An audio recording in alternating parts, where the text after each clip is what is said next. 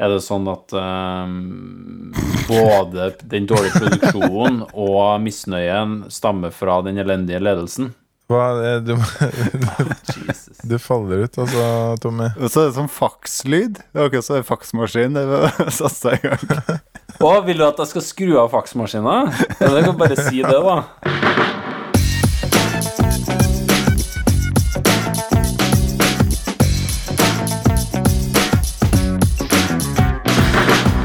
Du hører på Psykologlunsj, populærvitenskapelig lunsjprat med psykologene Tommy, Jonas og Jan Ole.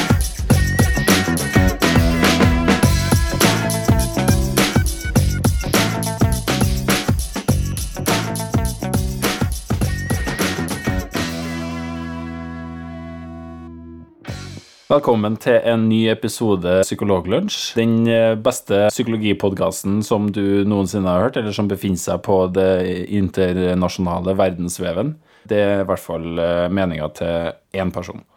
Mitt navn er Tommy Mangerud, og med meg i dag så har jeg som vanlig Jan Ole Hesselberg og doktor Jonas Rumpeldunk Våg. Veldig hyggelig å treffe dere i lunsjen med matpakke og kaffe på termosen. Veldig hyggelig. Og det er jo ikke lenge siden vi møttes ansikt til ansikt. Vi er jo nesten så vi eh, jobber sammen, føler jeg. Ja, Ja. Vi kan nesten regne timer, bare bruke timer på hvor lenge siden vi møttes. Det er jo Ja. kjempebra. Hvorfor møttes vi sist, da, Tommy? Var det noe med Ja, ja, nettopp, ja. Nei da. Det var en eh, disputas, en doktorgradsdisputas, til min eh, bedre halvdel, som nå da gjør at jeg Det, det er en benevnelse, det er en tittel òg, skjønner du, på det. At man er partner til noen som har en doktorgrad. Jeg bare husker ikke hva det heter. Men det er jeg nå. Ja, Det er det, ja. Jeg er doktor by proxy. nettopp. Det er bra.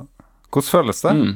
Å være doktor by proxy? Det er jo egentlig litt kjipt, for nå rykker jo alle fra meg på alle kanter. her. Først så kommer Jonas og bare titulerer seg oppover i rangstigen, og nå skjer det på hjemmebane òg, så jeg tror et eller annet må skje snart. Ja, nei, Det er ikke bra. Alternativet er enten å få skaffe oss en sånn doktorgrad selv, eh, Tommy, eller å begynne å disse de som har doktorgrad, eller disse doktorgraden per se. Ja. Det har vært mye snakk om mastersyka, ikke sant? Det Ja. vi, begynne å, vi kan begynne å spre ph.d.-syka ja.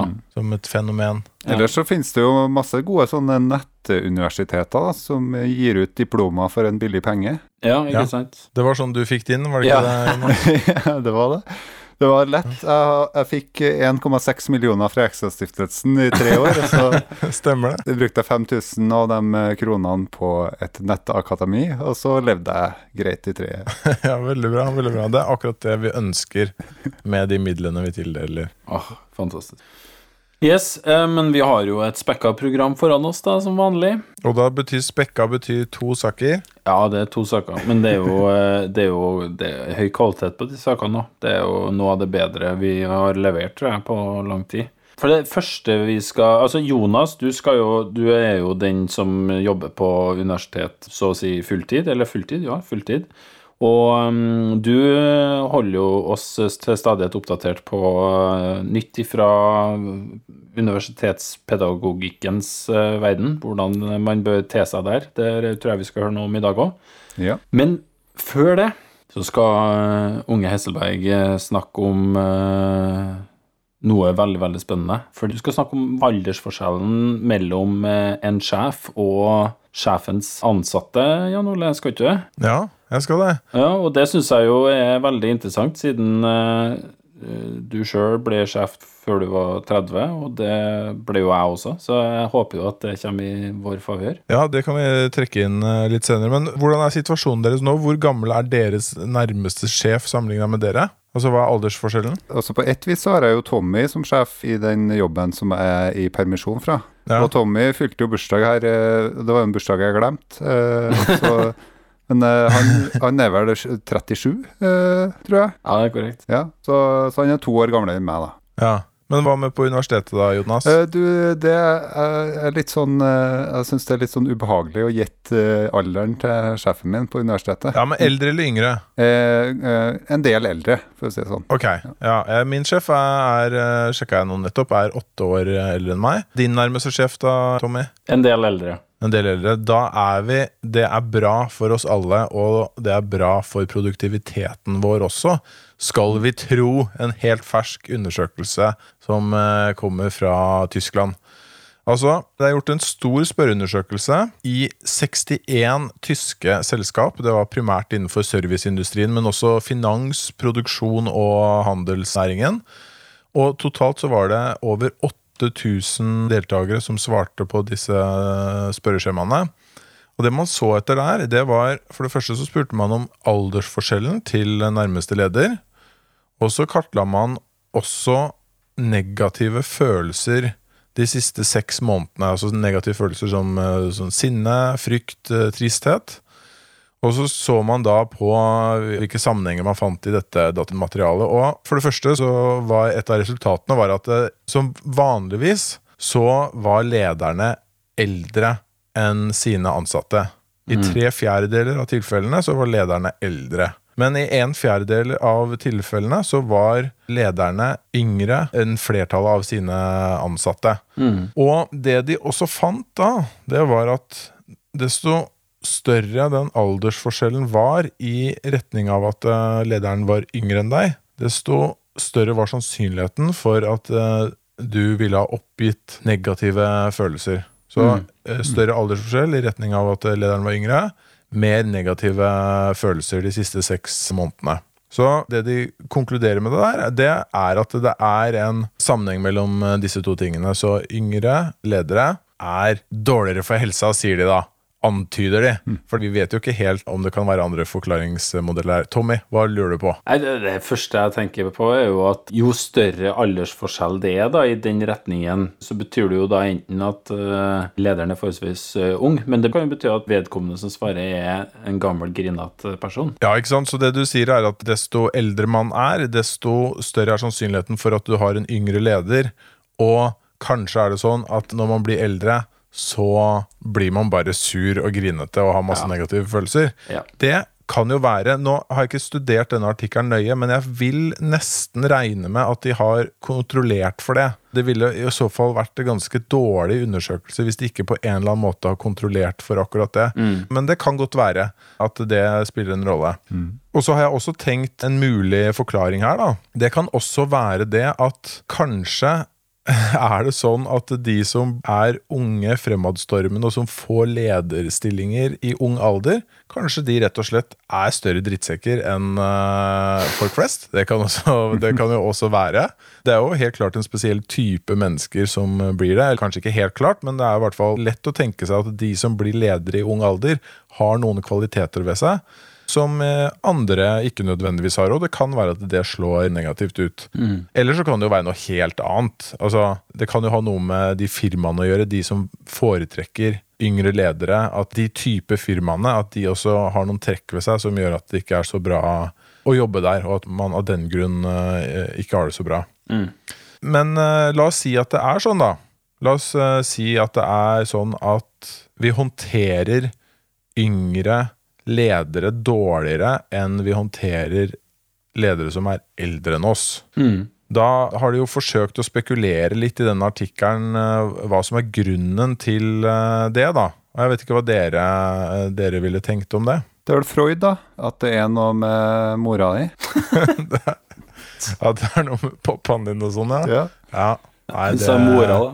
ja. Ja, Eller mora, Det er eller faren. helt- Spørs, spørs jo hvilket eh, kjønn du har på lederen din, da, selvfølgelig. det er klart. Ja. Og hva du har drømt og sånn òg. Mm. Ja. Så ja, nei, det er akkurat det de konkluderer med. Mm.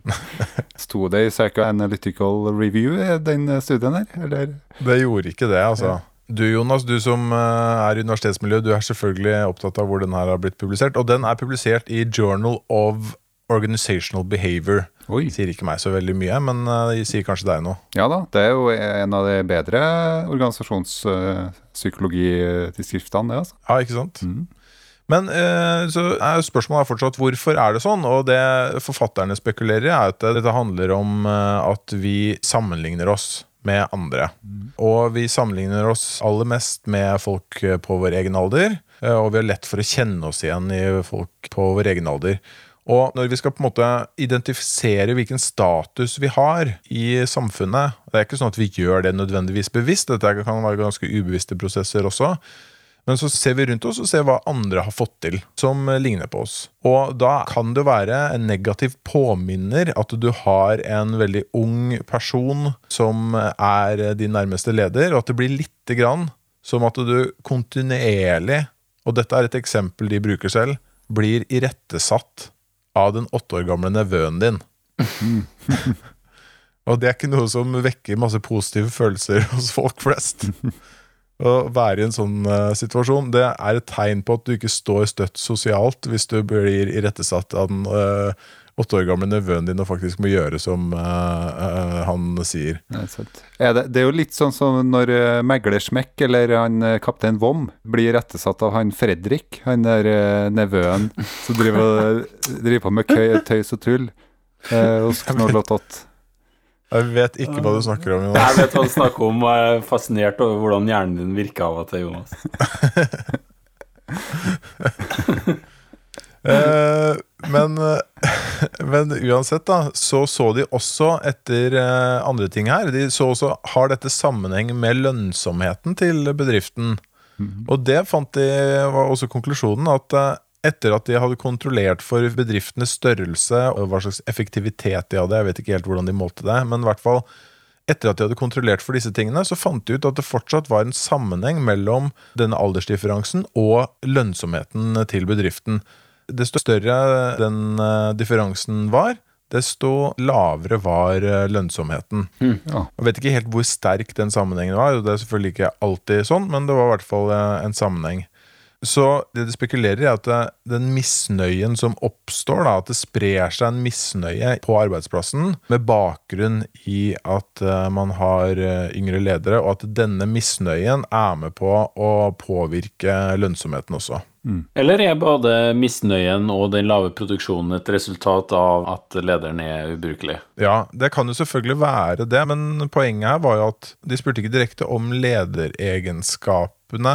De spurte om de personene som svarte sin forekomst av negative følelser de siste seks månedene, og så var det en klar sammenheng med denne aldersdifferansen. Ja. Mm. Men kan det være en annen underliggende faktor, eller en, eh, en Nei, nei, det, nei, det kan Nei. det ikke. Sånn som f.eks. at uh, du kan jo se for deg at en eldre leder han ville kanskje ha jobba i bedriften over lengre år, opparbeida seg kred over tid, jobba sammen med samme person i lang tid. sant? Og så har man sett at ok, du er såpass godt rusta at du kan bli leder. I stedet for at det kommer inn en sånn broiler-type som Mhm. nettopp har blitt ferdig på BI, tatt uh, noen år der, da. Og så blir man ansatt uh, i bedriften uten at man har jobba der og visst at man har vært på bakkenivå da, i starten. Og så kommer man bare sant? Ja. gympende inn som leder. Kanskje, ikke sant? det tenkte jeg også umiddelbart, at det kan spille en rolle. Og bare det at fartstid i en bedrift gir deg jo på en måte også kanskje flere nettverk. Altså du bygger relasjoner, da. sant? Da har du bygd relasjoner. Ja. Så kanskje det også spiller en eh, rolle. Bare rent hvor lenge du har vært der. Ja, eller kanskje også det at uh, hvilke type bedrifter er det som må nødt til å hyre inn sånne unge broilere som skal redde bedriften. Det er kanskje bedrifter som allerede er i, eh, i en Kanskje. krisesituasjon, ikke sant? Eller som er i Ja, en eh, vanskelig situasjon. Absolutt, så det kan jo uh, veldig godt være. Så det er mange muligheter uh, her. Men det er jo Mm. en interessant studie, da. Absolutt. Eh, Fordi uh, man blir nødt til å grave litt, fordi det, det er jo ikke et veldig venta resultat i utgangspunktet. Og så er det jo Det som er interessant med det, tenker jeg, det er jo at for ikke altfor lenge siden så var jo nesten alle lederjobbene ble delt ut på bakgrunn av ansiennitet. Mm. Mens de siste 20-30 årene så har det jo vært en helt klar tendens i retning av at eh, ansiennitet spiller vesentlig mindre rolle. Og i tillegg så har innføringen av sånne testverktøy og sånne i ansettelser medført at alder blir mer sekundært, og at eh, prestasjoner da på sånne type tester spiller en større rolle for ansettelsene. Og det gjør at yngre folk kommer i posisjon eh, også. Og det ser vi jo ikke bare i det private, men også i det offentlige i helsevesenet så er det jo vanligere at yngre folk innehar lederposisjoner. Så denne studien er jo et innspill i så måte. Er det uproblematisk eller ikke? Og den svarer jo ikke tydelig på det, men den er et interessant innspill. Og en ting til da, det som, eh, som de så etter, var hva kan man gjøre med det? Finner vi noe i dataene som viser oss hvilke bedrifter som håndterer denne aldersforskjellen best? I hvilke bedrifter spiller ikke det like stor rolle at eh, lederen er yngre? Og der var det et litt eh, morsomt funn, for det de fant, det var at det, i de selskapene der hvor det er lite aksept for å vise følelser, hvor de ansatte føler at de aktivt må undertrykke sine egne følelser. Det her fant ikke den effekten i like stor grad.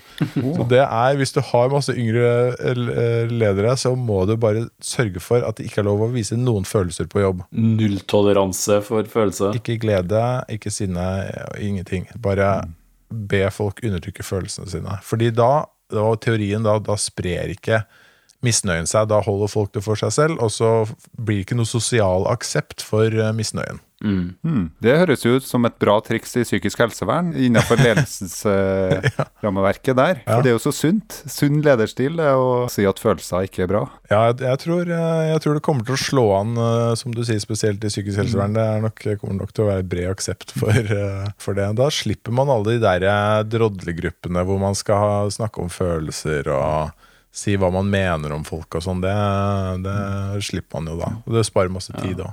Det er sant. Nei, men fantastisk. Da vet vi det, Jan Ole. Det var veldig fint. Ehm, Skal vi ta og gå over til neste sak, som er Jonas som skal snakke om universitetspedagogikk, del eh, 37. Ja, del 37, eller del 2. Eh, nå Del 2, har vi ja. jo- Del 2, ja. ja. Ja. Nå har vi jo fått eh, konstatert at hvis du har lyst til at studentene dine skal lære mest mulig, så bør du legge deg under kniven, eh, sånn at eh, du ser attraktiv nok ut til at du tiltrekker deg oppmerksomhet på det innholdet du har å komme med. I hvert fall det hadde vi om i en tidligere episode, at eh, attraktive lærere tydeligvis da har en eh, bedre læringseffekt på studentene enn det eh, ikke så attraktive lærere har. Men det var i et nettkurs hvor du da så et bilde oppe i høyre hjørne. Og da, da tenkte jeg at men enn hvis du da er førsteamanuensis som meg, da. Og ikke har så lyst til å legge deg under kniven fordi at du er redd kniver. Kanskje har du også litt sprøytefobi og er redd for at du skal eh, Redd for at du skal eh, besvime når du da må gjøre de inngrepene. Men heldigvis eh, så finnes det håp om å gjøre andre ting. Blant annet så har du kanskje lyst til å undersøke om eh, hva hvis jeg tar med meg en magiker inn i forelesninga og lar han gjøre et trylletriks før jeg gjennomfører undervisning. Vil det medføre at folk vil både huske innholdet bedre, forstå det bedre, og i tillegg, eh, når de svarer på en spørsmål eh, i etterkant, si at de var mer engasjert i det innholdet som ble formidla? Nettopp.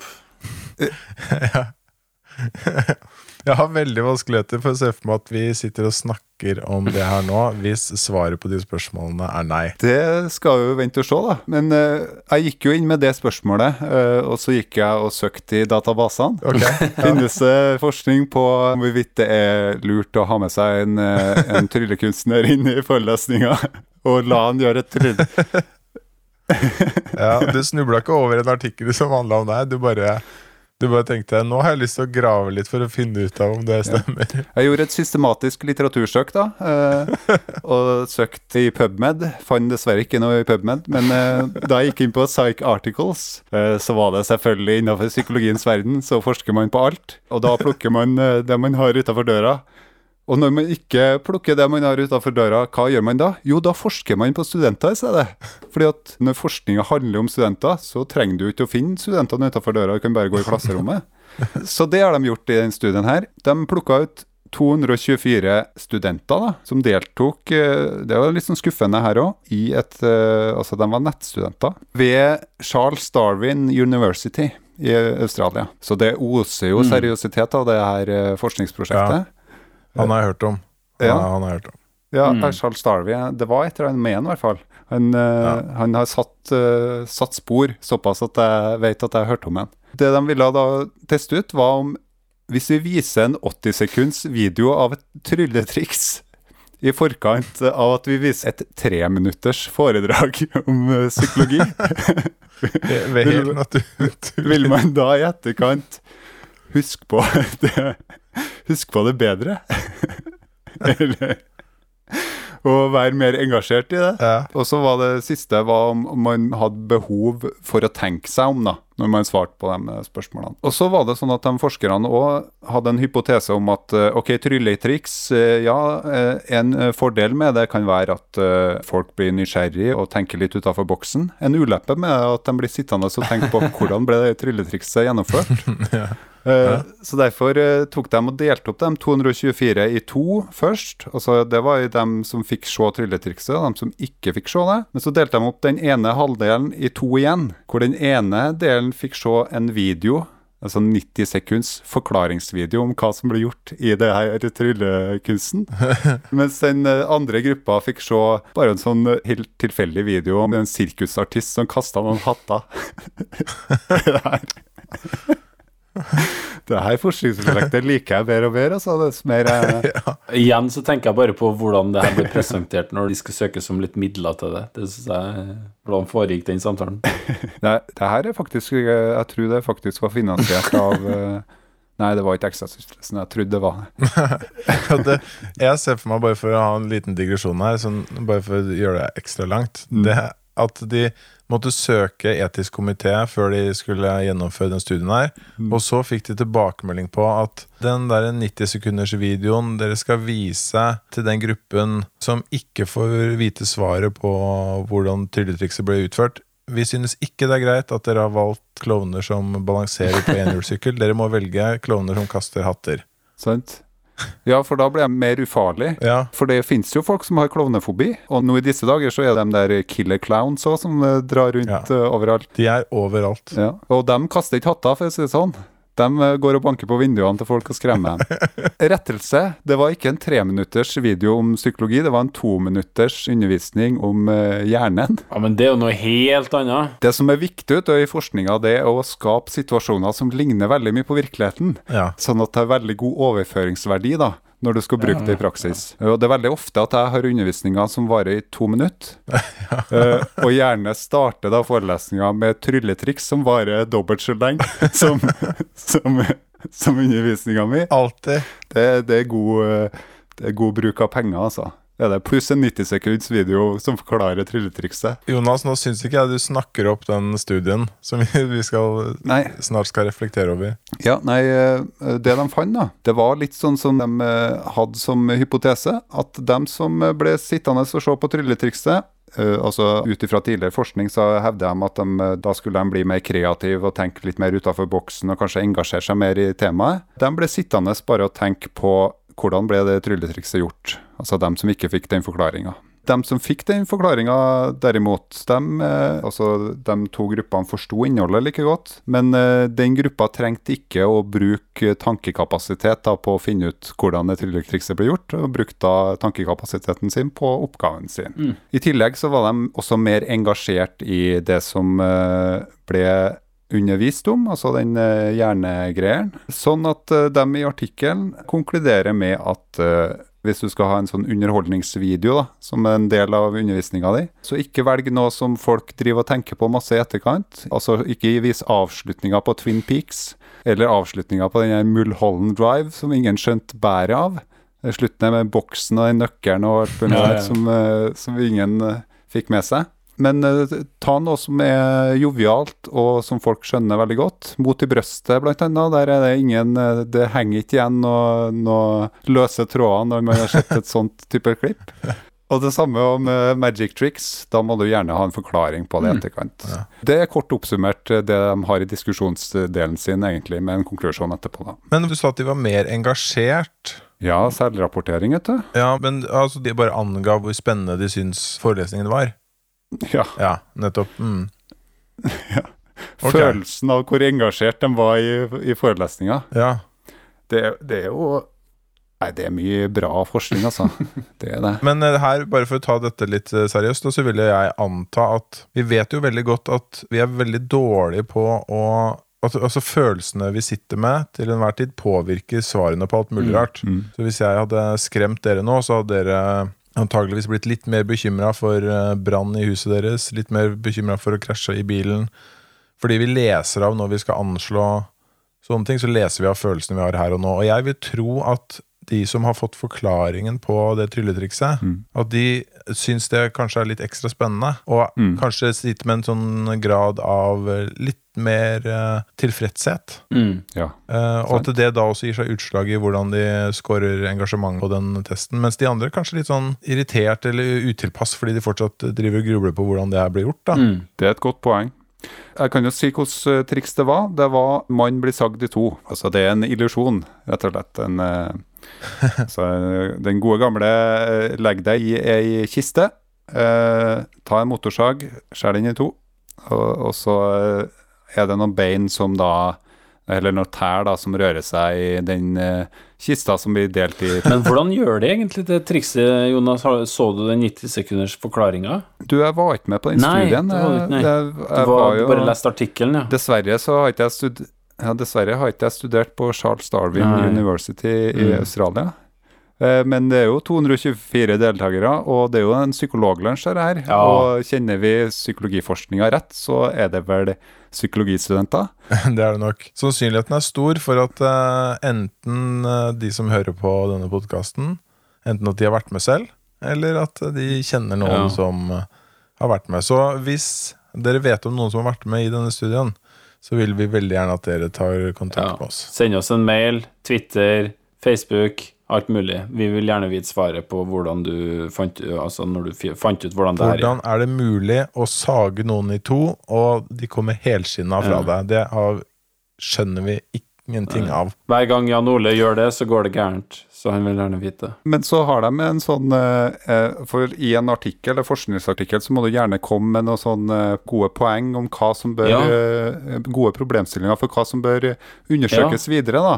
Innenfor forskninga på bruk av trylletriks i, i Ja, nye nyanser av det samme, liksom. Ja, og da, da trekker de frem at eh, de har jo bare presentert undervisninga etter trylletrikset. Ja. Men hva hvis du presenterer underveis? Altså sånn hvis du stopper, hvis du drar i gang motorsaga, og så akkurat når du skal sette den nedpå kista, så kjører du den tominuttersvideoen videoen om hjerne, hjernen, og så kutter du kista i to.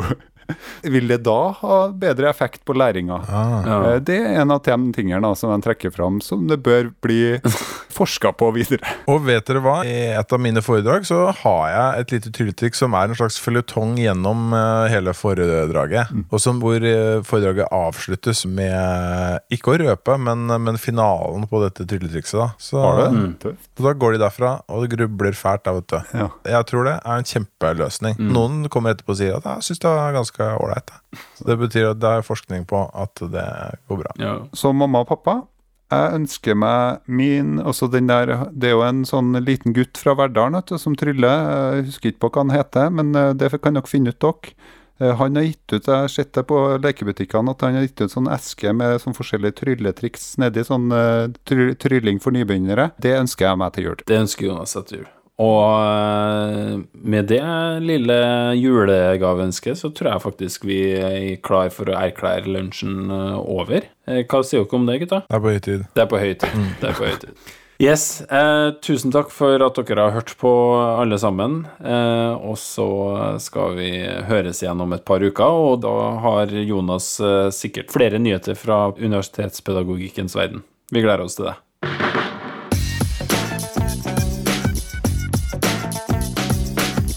Du har nå lytta til Psykologlunsj. Har du noen spørsmål, kan du søke opp Psykologlunsj på Twitter, eller du kan sende en e-post til psykologlunsj alfakrøll.gmail.com.